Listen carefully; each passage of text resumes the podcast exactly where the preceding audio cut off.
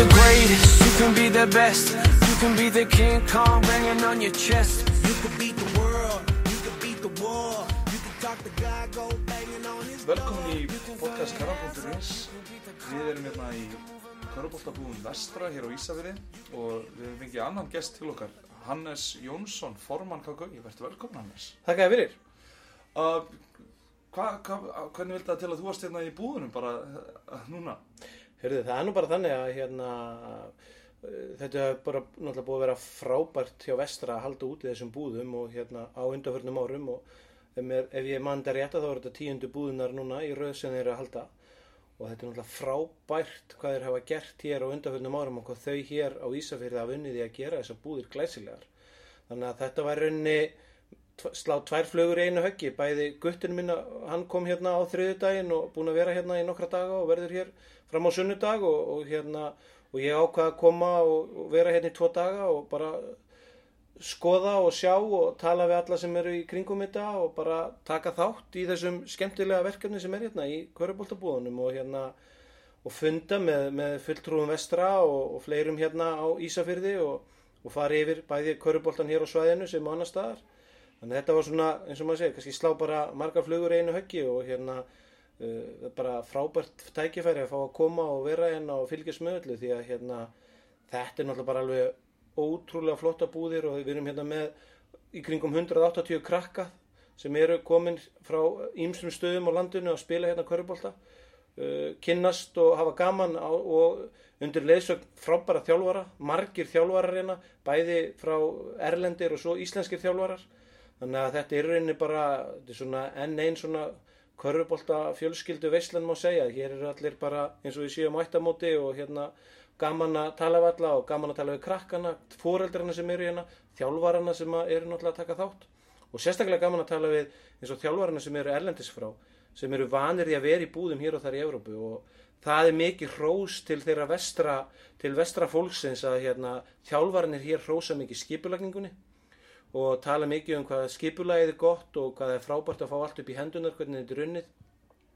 Því við vitum að svona stórar búðir, það er mikil vinna sem liggur á baki. Það eru sko hundruður klukkutími sjálfbóðvinnu sem liggja að baki því að gera búður sem þessara veruleika. Og ánægilegt að fá að heyra bara frá þessum erlendu þjálfunni sem eru hérna að hvað þau eru ána með skipulagningun og allt í kringum þetta. Að sjálfsögur er alltaf eitthvað sem hægt er að gera betur og allt svoleiðis en það læri allir bara eins og maður segir ár frá ári. En þetta virðistur orðið mjög svona uh, ef maður má aðeins nota það þetta virðistur orðið rútinir að hvernig búðin eru settar upp, hvernig þetta er allt. Og aftur vera hérna með 180 krakka hérna og þaðan að landinu. Þetta er náttúrulega bara magnað og það er svo gaman upplifið þetta sem ég sagði á hann þú veist, við erum að tala um krakkana, þjálfarana, fóreldrana fólki sem er að vinna hérna í kringum þetta þetta er bara frábært og hérna indislegt bara að fá að vera inn og taka þátt og hérna og fá að skoða og eh, tala ekki um að maður aðeins næra skoða hérna í kring og aðeins að njóta, njóta, njóta vestfjörðana í leiðinni þannig að hérna þetta er náttúrulega bara frábært Þetta er bara því líka veistla hérna.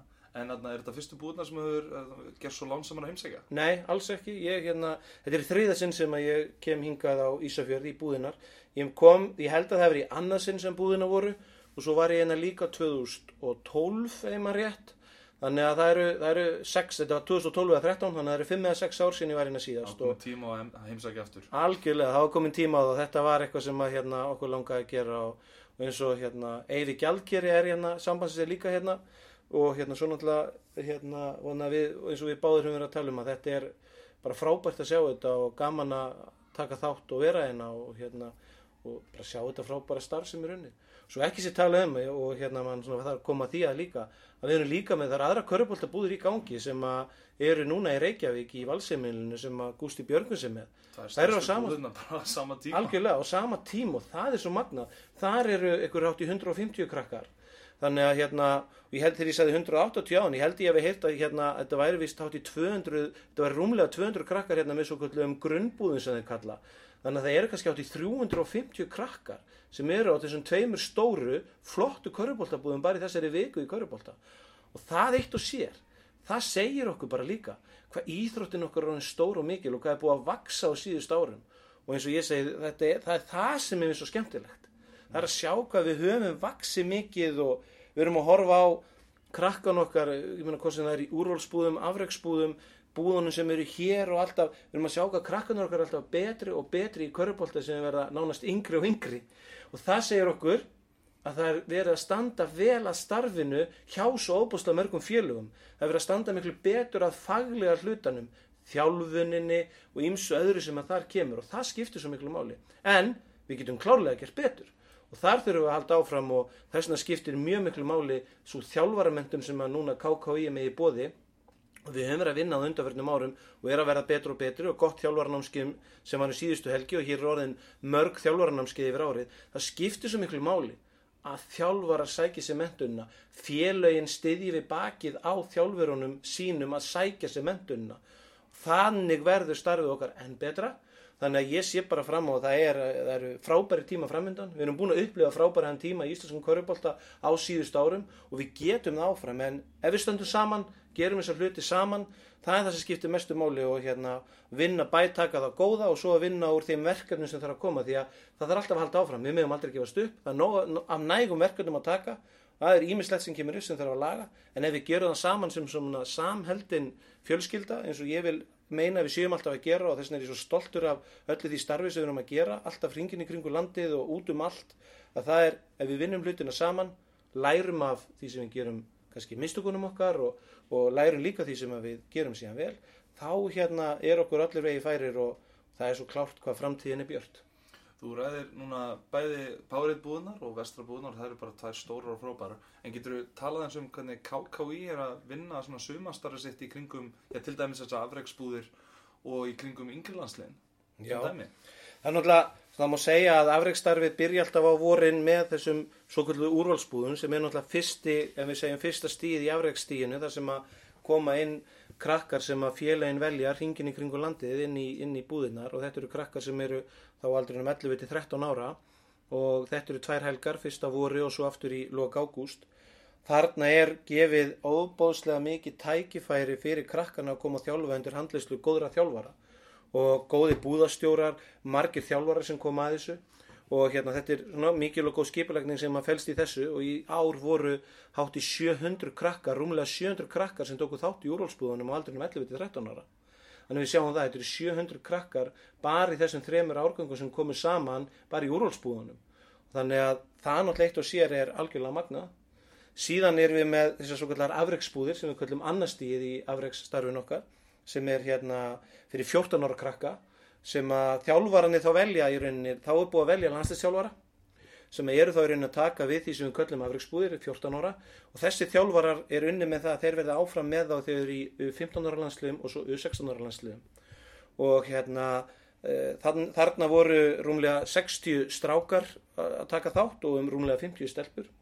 Og það sem er sérlega ánægilegt það er fjölgunni sem við hefum náð hjá stelpunum. Því fyrir nokkrum áru síðan þá voru kannski bara um 30 stelpur sem að tóku þátt í afreiksbúðum hjá 14 ára. Og þetta er svolítið vil ég meina og, og við sem erum við í kringum þetta. Það er svo, svo hérna mikla og góða starf sem hefur unnið sérstaklega stelpumegin í að fá fleiri stelpur inn í kvörubóltan og við þar getum við gert ennþá betur. En með því að breyta til dæmis ef við breytum kemnisverkumleginu minnibóltanum þá örður til miklu fleiri félög Þannig í dag eru rúmlega, ég held þetta er svona 20, 22 félög sem er í dag að senda stelpur til keppni strax í minnibólta. Þetta voru ekki nema 10-12 félög fyrir 5-6 árum síðan. Þess vegna er maður stundum að tala um hvað kvennabóltin okkur er unni ungur að hérna, en það er, það, og það, við erum alltaf að fá fleiri og fleiri stelpur sem eru bara að æfa núna körfubólta og velja sig þá og maður sá það til dæmis í afriksbúðinu núna síðustu helgi, þessi árgangur 2004 þá, það var bara fullt af efnilegum og flottum stelpum sem að okkur eru kannski vanta meiri breytt í hvern árgang. Og þar er ég mjög björnsinn við séum að fá meiri breytt uh, á næstu árum hendur en við höfum verið að fá. Og svo náttúrulega heldur starfið áfram. Eftir afreiksbúður tekum við erunni landsliðin að æfa líka. 15 ára landsliðin sem að eru til dæmis að fara á æfingamótið í Kaupmannhöfn þar sem við sendum tvö lið í, í, hjá stelpum og tvö lið hjá strákum, þetta eru tvö nýjumanna lið þannig að það eru átjón strákar og átjón stelpur sem er að fara á þetta æfingamóti í, í Kaupanahöfn sem að við köllum bara æfingamóti Kaupan æfingamótið og hérna þar er, þetta er árlegt hjá okkur og hefur verið í nokkur ár og hérna uh, þarna fá krakkanir fyrst að sinna spila sem U15 ára landslið alþjóðlega landsleiki og fá að spila við aðrar þjóðir og bera sér saman við það. Nú síðan tekum við uh, Norðurlandamót, U16 ára og U18 ára hjá okkur, fjögur lið og núna er það í Kisikali og í Finnlandi, hefur þar verið undanfærin 23 ár áður í Svíþjóð. Þetta er mjög skemmtilegt fyrirkomulega að vera með öll landsliðin svona saman á þessu Norðurlandamóti. Og líka breytist dagsetningin fyrir tveimur ára síðan þannig að núna er þetta alltaf bara í lok júni, þetta var alltaf í kringum uppsningadag áður þetta hendar betur eins og til dæmis fyrir okkur sem er erfitt með kannski að fara í æfingarlandsleiki fyrir Európukefninar því þegar Norðurlandamóti er búið þá taka við Európukefninar hjá við 16 og við 18 og reyndar við 20 og þannig að það eru U20 liðin sem byrja síðan er það U18 og svo endar Európukefnin á U16 þannig að eh, það er bara mikið um að vera hjá okkur á þessum uh, í þessu starfi hjá okkur í sumar og það má segja að það sé það er ekki til, það er engin svo kvöldi fríhelgi eða eitthvað svoleiðis, það er bara nógum að vera og síðan náttúrulega eru það allandsliðin okkar og í sumar er það, það karlalandsliði sem að náttúrulega spila mjög mikilvæga leiki hjá okkur í, í lok júni út í Búlgari og svo í Finnlandi. Og það sem er sérlega ánægilegt varandi það að, að landsliðin okkar sem verða á Norrlandamótinu þau ná að, far, ná að sjá landsleikin okkar við finna. Því að það færið heim á þriðudegi og leikurinn er á mánudaskvöldi þannig að allir landslískrakkarnir verða að horfa á landsleikinu móti finnum. Og það er mjög mikilvægt verkefni. Þar verðum við að vinna annan leikin okkar til að tryggja okkur áfram í undankefni HM og vera að spila í þessum svo kallega efri hluta í Evrópu næstu, næsta árið og, og sérstaklega næstu tvö árin. Og síðan verður kvennalandsliðið okkar, það er, verður við æfingar í sumar og svo er ekki í rauninni leikir á þeim fyrir en í undankefni EM sem er þá síðan í, í, í, hérna, í november. Þannig að ásamt þessu náttúrulega þarf að skipulegja síðan mótahaldi fyrir næsta vetur og vinna í því áfram. Þannig að það er bara af nægum verkefnum að taka. Og... Það er dagatalsfundur ekki í næstu viku? Jú, dagatalsfundur núna á mándaginn. Það sem að farið farið yfir kemnisdagatali fyrir næsta vetur og, og hérna, þannig að það er ánægilegt. Sáðu fram á einhverja breytinga fyrir næsta ár? Já, það er ein breyting sem verður að það er að uh, tíundiflokkur verður spilaður heim og heimann.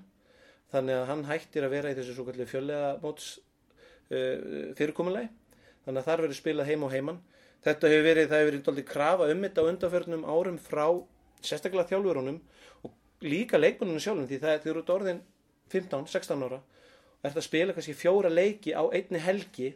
Þetta er óbúslega mikið álag á líkamann og hérna við höfum velt þessu fyrir okkur lengi og nú var bara ákveðið að kýla á þetta taka tíundaflokkin í heim og heimann því það er líka annað sem að losnar vegna þess að þegar ég var að tala um áðan hvað íþróttun okkar hefur stækkað og hvað við hefum fleiri og fleiri krakka sem eru að koma inn í íþróttun okkar það gerist það líka að það eru miklu fleiri félög sem taka þátt, bæði hjá strákum og stelpum. Það verða miklu fleiri riðlar sem eru þá einhverju einustu helgi verið að keppi og þar er leiðandi mjög erfitt á íþróttuhús mjög mikið álag á sjálfbóðaliðana Er ekki meiri kostnar í heima og heimann leikahaldinu? Nei, þá ekki þetta þurfa að vera.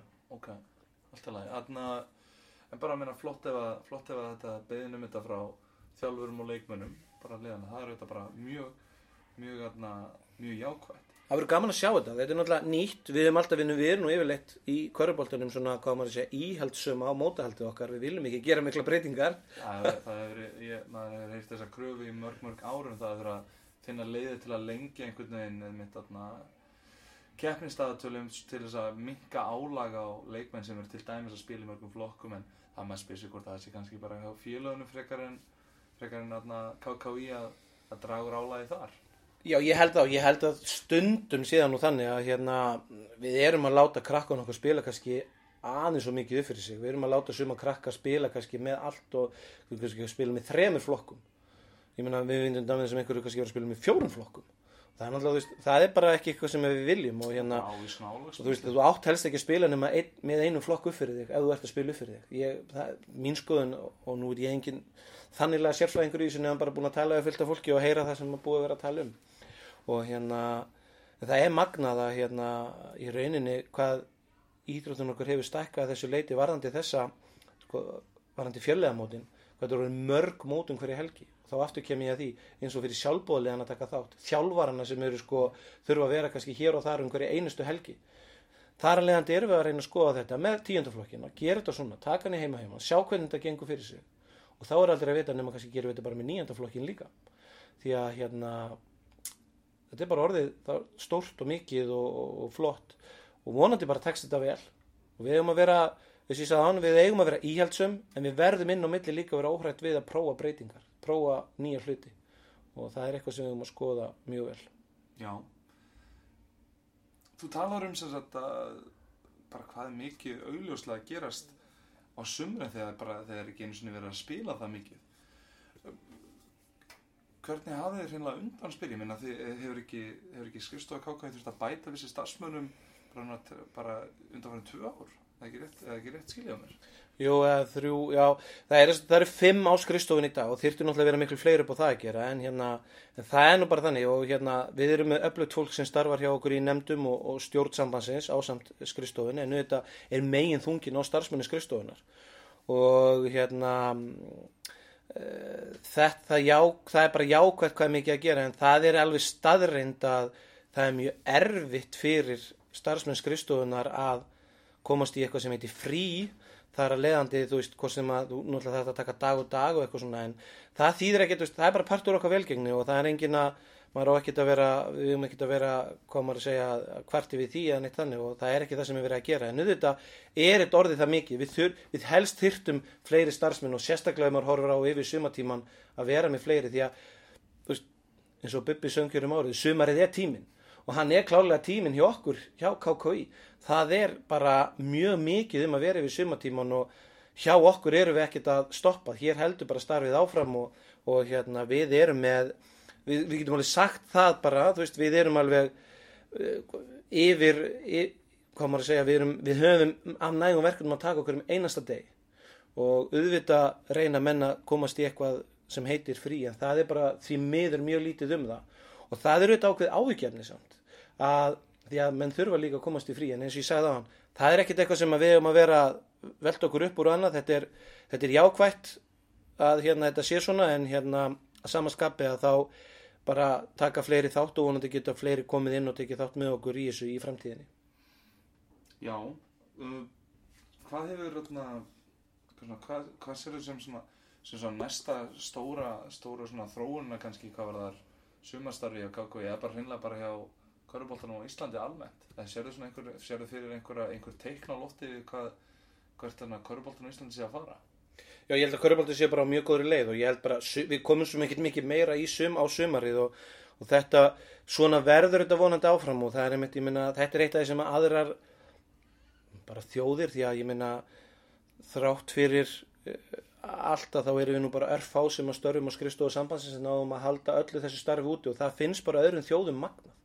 Öðrum þjóðum finnst magnað það mikla starfsögunum að gera og ég held bara við öll í köruboltunum eigum alveg klappa okkur úr bakið sama hvar við störfum í hreyfingunni fyrir það góða starfsögunum að vinna og halda bara áfram þessu starfi við sumari hafa nógum að vera fyrir landsliðin okkar uh, allar köruboltabúðunar hér, hér á Ísafyrði uh, sem og annar staðar félögin er vera dugleg að halda út í starfinu félögin er vera dugleg að halda úti sumaræfingum halda úti námskeiðum og hvað við viljum kalla opnum húsum þannig að krakkarnir geti farið inn og leikið sér.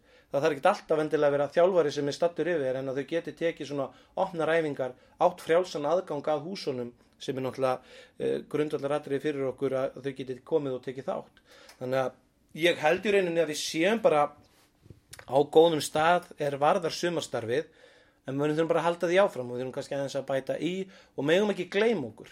Það er það sem skiptir mestu máli að það er að halda bara áfram á þeirri braut sem við erum og bæta kannski svona í nokkur hvað maður að segja, svolítið reglulega og hérna og, og halda þessu starfi áfram þannig. En ég held bara hvort sem það er hjá sambandinu eða félagin okkar þá er bara verið að vinna opbúslega gott starf yfir sumatíman, vetratíman og allt árið um kring og það er eitthvað sem er bara orðið. Við erum, körfubolti er heilsásýþrótt. Körfubolti er ekkert í dag eitthvað skonar vetrarýþrótt og það er það sem kannski skiptir máli, allir áttu sig á því.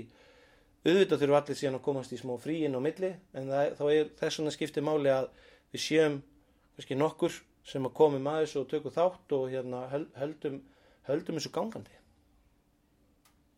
Þú ræðir um, þú segir að úti í löndum eru, eru bara, er bara dáðstastarfnokar hér, maður, bara svona, þú náttúrulega hefur mikla reynslu og hefur bara hennilega séð svo mikið af starfinu erlendis. Svona, getur þú sagt, svona, getur þú borið íslenska starfi saman við erlenda og getur kannski líka, hvað eru til dæmis margir að vinna í svona, í mynd svona, til dæmis skrifstofu körfurnanleik sambands í öðrum löndum? Vistu það? Já, já, það er mjög misjæmt og hérna, það er náttúrulega á Norðurlöndunum þá er þetta svona þá er þetta 15 til eh, 40 starfsmenn á skrifstofunum.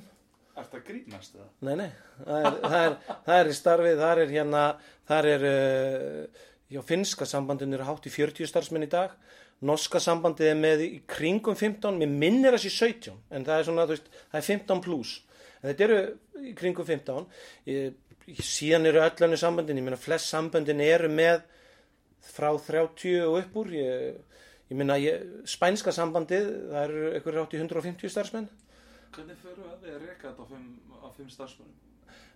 Við förum að því vegna þess að við förum þetta með íslenska hjartanu og íslenska áhuganum og líka bara pínulítið íslenska brjálegan ef við viljum orða það þannig. Það, því að starfi byggist ekki á bara þessum fimm sem starfa á skrifstofunni. Starfi byggist á stjórnamönnum sambandsins, nefndamönnunum, öllum sem er að vinna út í hreyfingunni.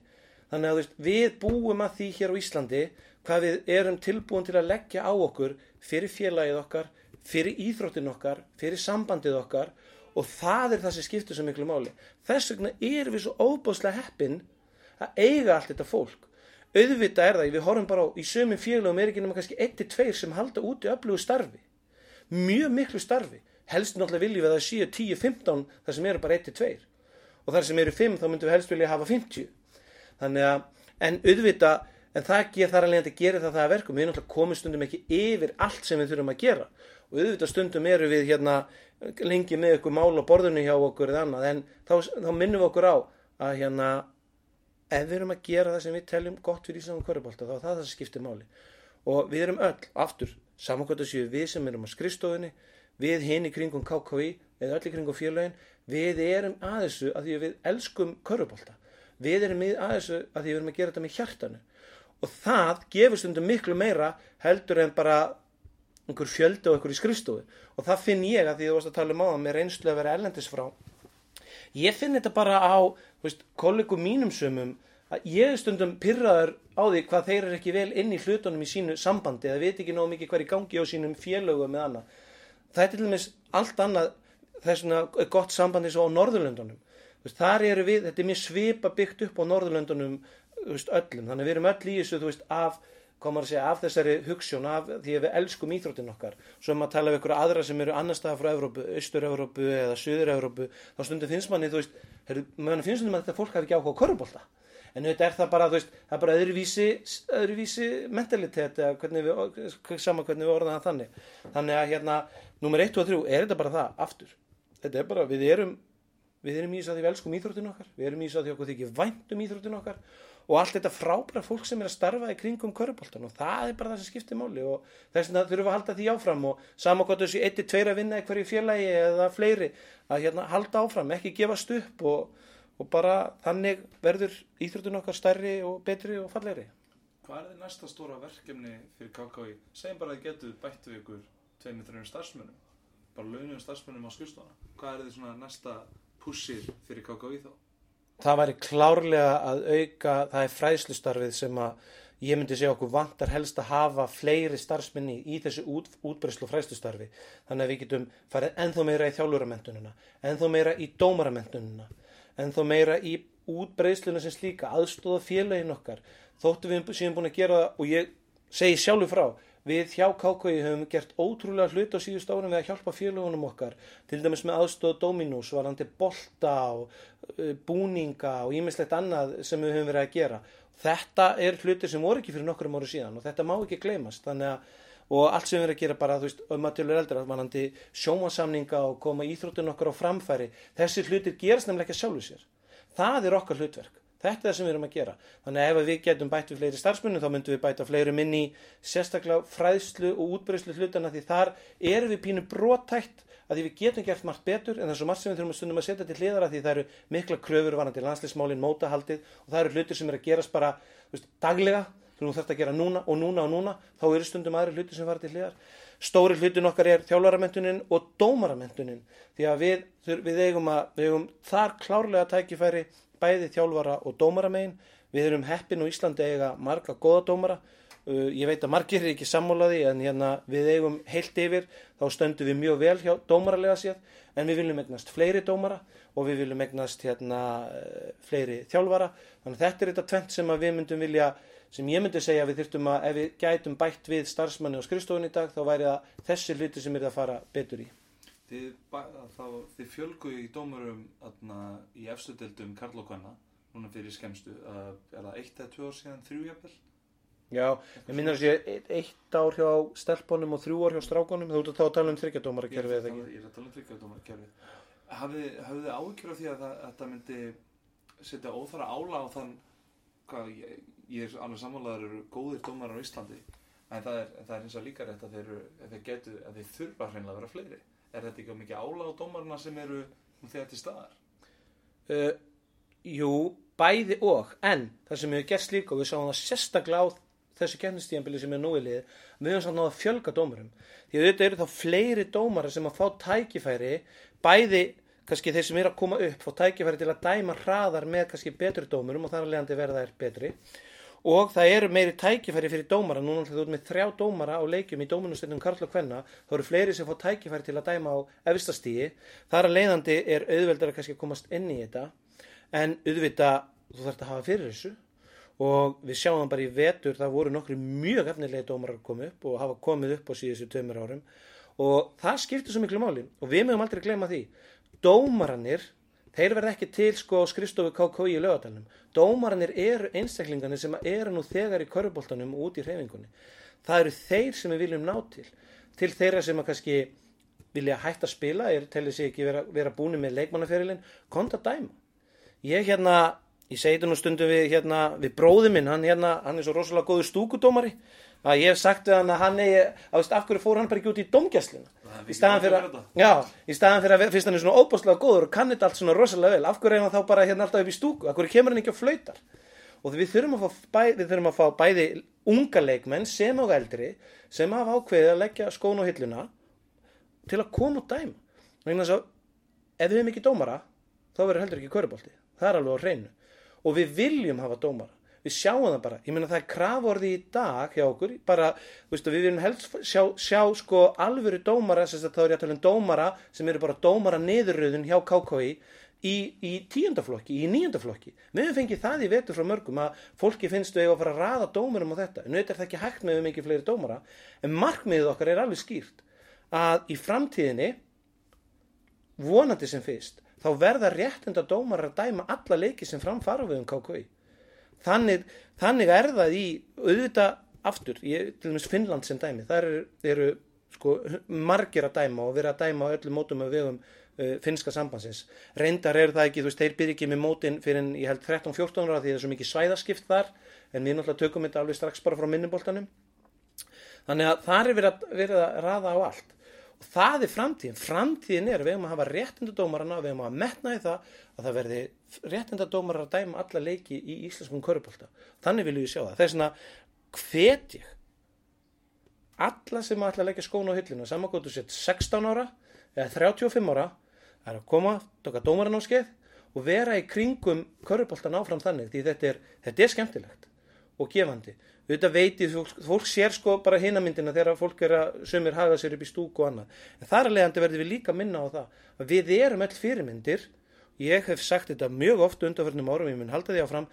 Við þurfum ekkert, við þurfum dómara við þurfum að eiga dómara sem að dæma leikin okkar. Og þar að leiðandi eigum við líka að leifa dómarum að vinna vinnuna sína.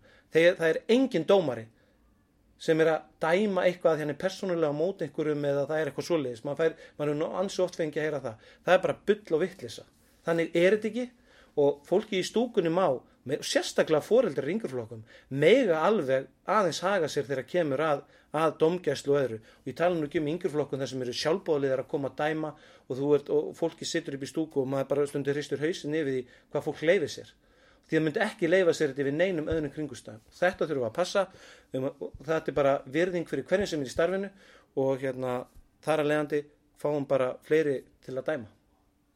En þarna, kannski, svo við, en svo þá bara, svo við svona kannski bara slaufum þessu saman kannski bara svona góður skila, þarna, hefur þú einhver svona sem bara svona, formar sambandsins einhver svona skilabót til ungra leikmanna eða eitthvað bara ungra þjálfara svona, hvað, hvað þau geta kannski gert til þess að bæta sig í sumar til þess að koma sér ekki endilega í mjúkinni á KKI bara einfallega svona til þess að koma sér betra á framfari ef þau eru til dæmis að hugsa sér með yngri landsliðin eða með úrvalsbúður eða afreiksbúður hvað er svona geta, hvað geta þessi ungu leikmenn gert? það sem krakkanir eiga að gera og það er ef þú ert að stefna á að vera í úrvalsbúðum, afreiksbúðum, verið í landsliðinu alveg saman hvað það er aftur, sumarið í tímin nýta sumarið mjög vel. Fara þóttu sér deitt, fara það bara og hérna, skjóta á körfuna. Ef að íþróttúsið er lokað, fara bara út á næsta skólavöll og það er allstað að karfa, við erum það heppin. Auðvitað myndum við helst vilja hafa flotta körfuboltavelli í hverju einasta bæjarfélagi helstu nokkra svoleiðis velli. En við höfum þó það að það er allstað að karfa. Þú getur allstað að farið á skotið. Þú getur allstað að farið og drilla, þú getur allstað að leikja þér.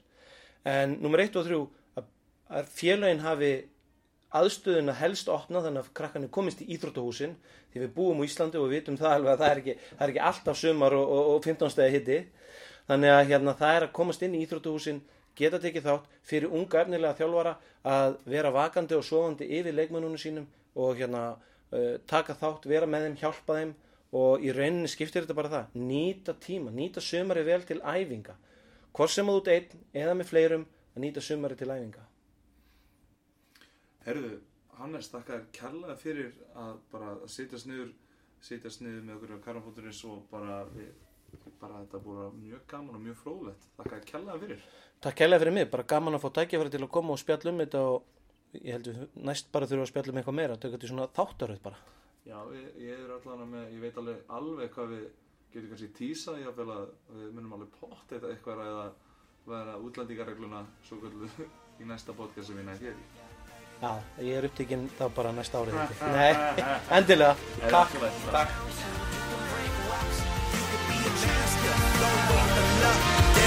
Takk.